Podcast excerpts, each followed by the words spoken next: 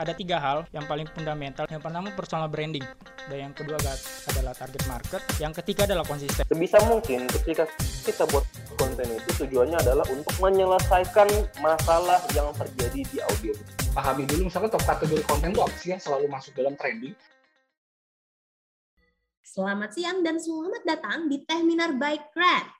Perkenalkan kembali saya Sheila yang akan menjadi moderator untuk Tehminar hari ini sekaligus mewakili Keren Indonesia. Dan pastinya kali ini Keren melaksanakan Tehminar bertemakan Begin Your Journey as Content Creator. Oke, pasti teman-teman juga udah nggak asing ya dengan profesi content creator. Content creator adalah seseorang yang menciptakan materi konten berbagai bentuk yang dimuat dalam platform digital dengan tujuan hiburan ataupun bisnis ya. Lalu apa saja sih pekerjaan content creator dan bagaimana peluangnya ke depan atau di masa depan terkait profesi ini? Oke, tanpa berlama-lama lagi, saya akan masuk ke sesi presentasi yang pertama. Ya, so langsung saja kita panggilkan ini dia Kak Azhar Suwardi, seorang content creator. Silakan Kak Azhar waktu dan tempatnya. Jadi saya mau uh, sepengalaman saya saya akan sharing ke kalian khususnya di platform Instagram ya karena saya banyak mendapatkan benefit dari sana.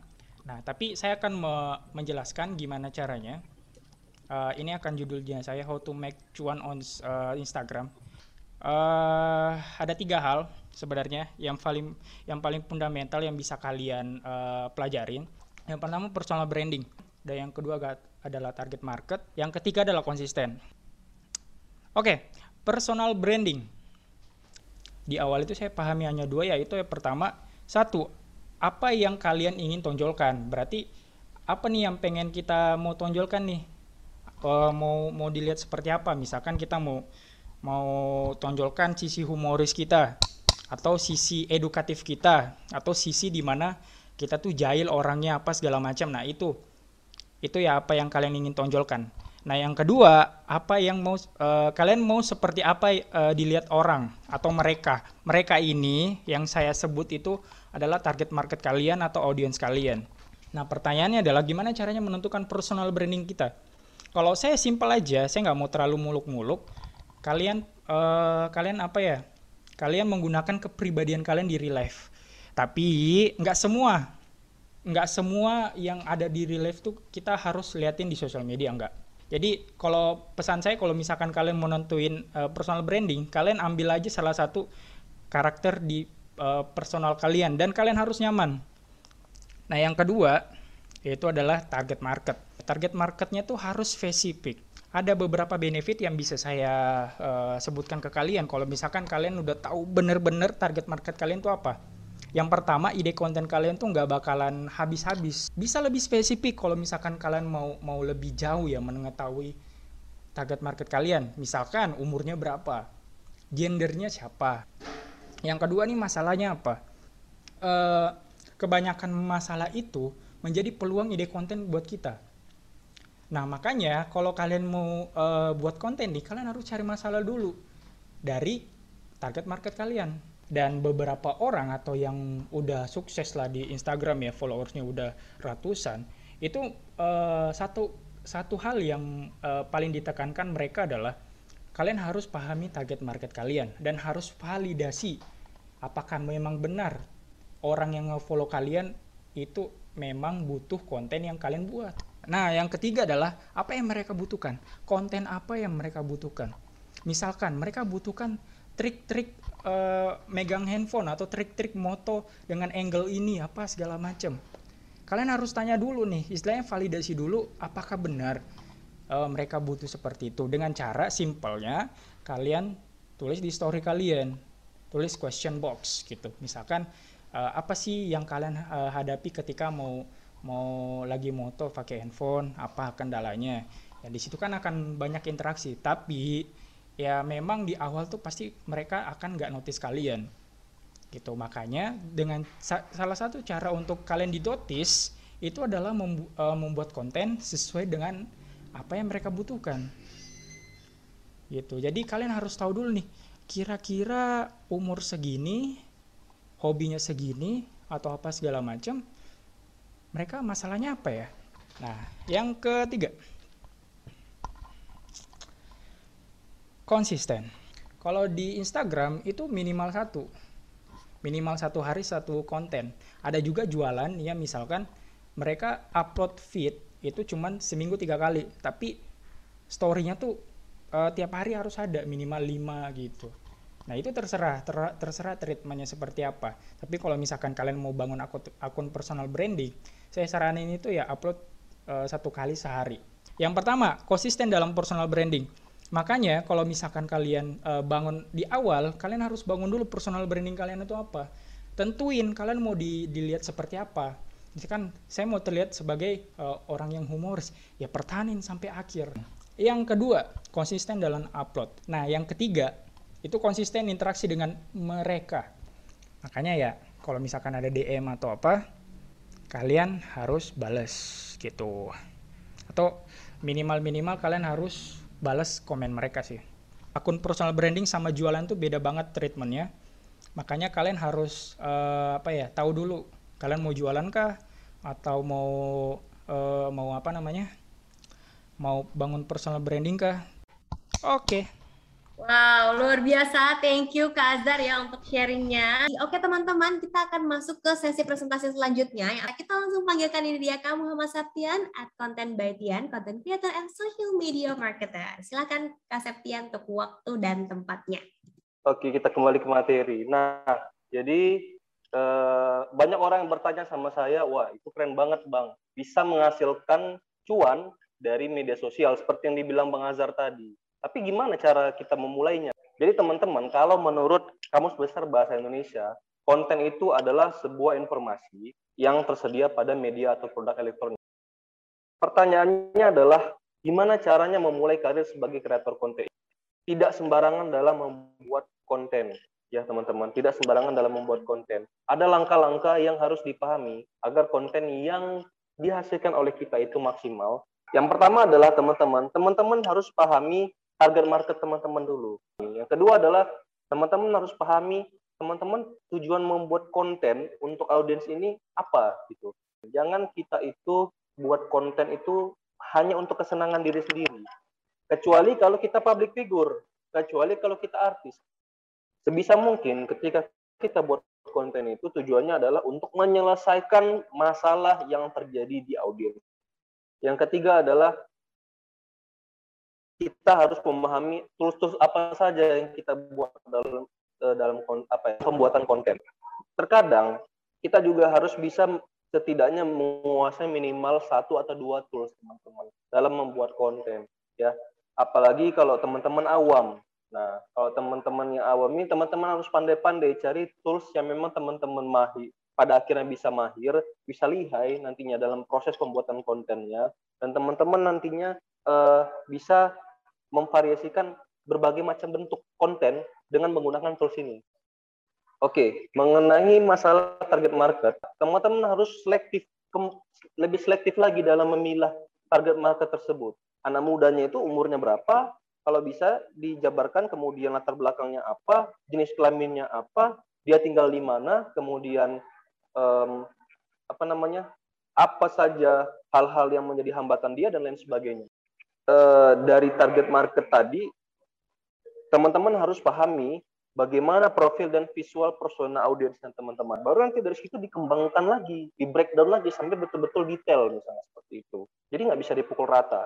Itu yang pertama. Yang kedua adalah teman-teman harus bisa menggambarkan secara detail audiens yang teman-teman ingin selesaikan. Nah, itu adalah bagian dari proses breakdown masalah tadi. Oke. Nah, kita juga harus bisa memahami tujuan kita menjadi seorang kreator konten. Nah, apa aja tujuannya? Nah, di sini yang saya paparkan adalah yang pertama meningkatkan brand awareness, jelas, uh, terutama bagi pemilik bisnis. Yang kedua adalah meningkatkan personal branding, jelas. Nah, saya tidak langsung ketika kita sudah membangun brand awareness kepada audiens, nah maka nantinya audiens itu kan akan mengenal kita nih jadinya. Ya maka nanti ketika mereka mengenal kita, ya mereka pasti akan ingat kita dong. Nah, dan nantinya berimbas ke mana? Ke peningkatan konversi penjualan atau konversi sales. Tools pembuatan konten kreatif, ya, atau teman-teman mau menjadi kreator konten, apa-apa aja tools yang bisa digunakan, ya. Banyak macamnya. Kalau saya pakai Canva, teman-teman. Dari awal saya mulai sampai sekarang saya pakai Canva. Dan ini bisa digunakan oleh orang awam sekalipun. Tinggal bagaimana belajar memvariasikan uh, jenis-jenis kontennya. Kalau teman-teman mau yang lebih pro pakai Photoshop, ini kalau untuk Adobe Illustrator juga bisa, kalau Premiere Pro untuk video ya. Untuk memahami itu semua pastinya kita ada proses. Gimana cara bangun prosesnya untuk teman-teman? Nah, teman-teman harus pahami keunggulan teman-teman. Dan itu bisa digambarkan dalam skema kuadran.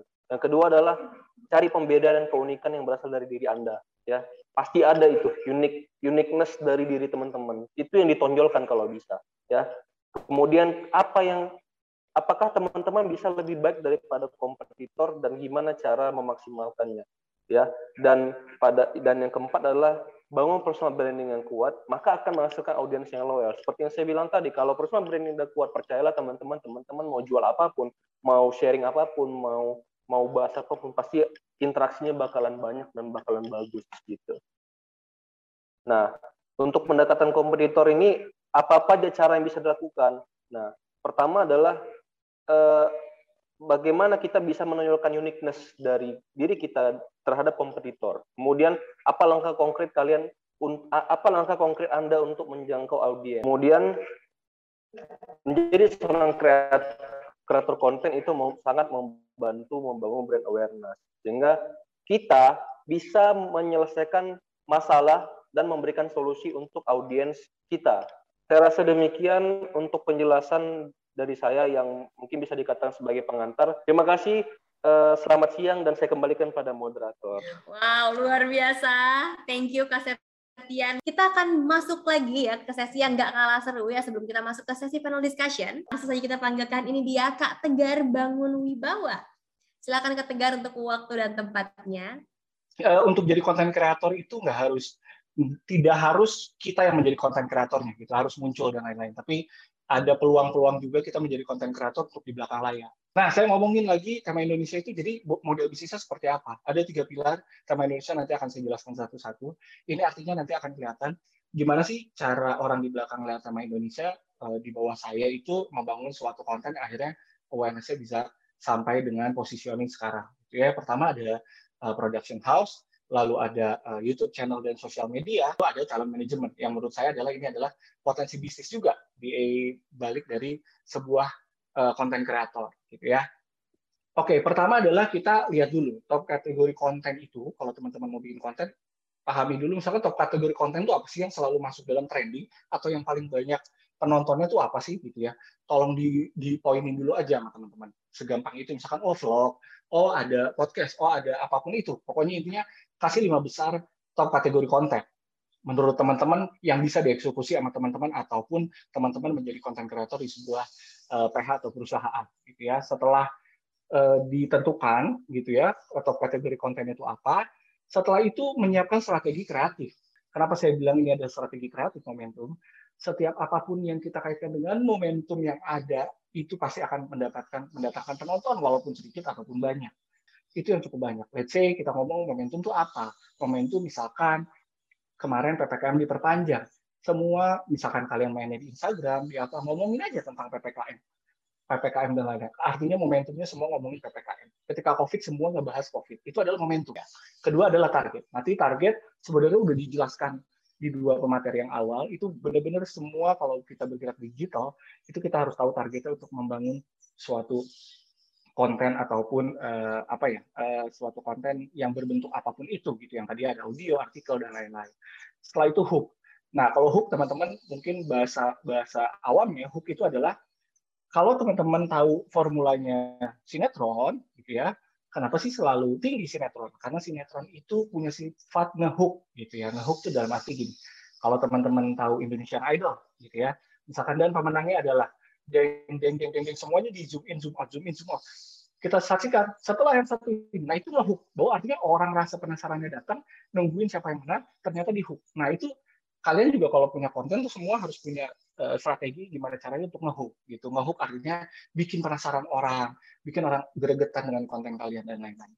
Nah sama balik lagi dari audiens itu karena saya selalu percaya bahwa understand people dan teknologi jangan pernah ter terkungkung dengan kita nggak punya kamera bagus, kita nggak punya tools yang bagus, kita nggak punya apa pun itu yang mumpuni untuk bikin konten. Tapi selama kita tidak mengerti target kita, audiens kita, itu sampai kapan pun uh, menurut saya teknologi yang bagus pun tidak akan menunjang untuk konten kalian banyak yang nonton.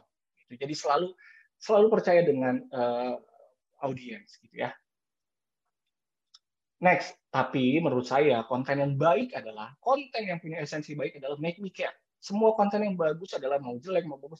Selama punya mm, apa nilai make me care artinya make me care tuh uh, bikin kita peduli, peduli untuk nge-like, peduli untuk nge-share, peduli untuk subscribe, peduli untuk komen, itu berarti konten Anda berhasil. Uh, saya kesimpulan aja bahwa ketika kalian mau terjun di industri konten, yaitu pertama adalah tentukan jenis konten yang akan Anda buat. Yang kedua adalah pahami market dari konten tersebut. Market itu penting. Yang ketiga adalah produksi konten sesuai benefit yang diharapkan, gitu ya.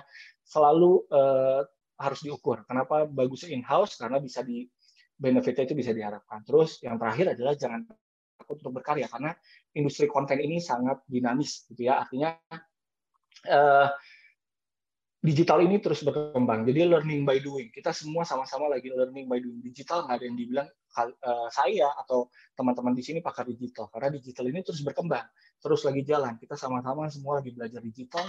Demand lagi tinggi, yuk manfaatkan future market kita ini. Jangan pernah ketinggalan sama zaman.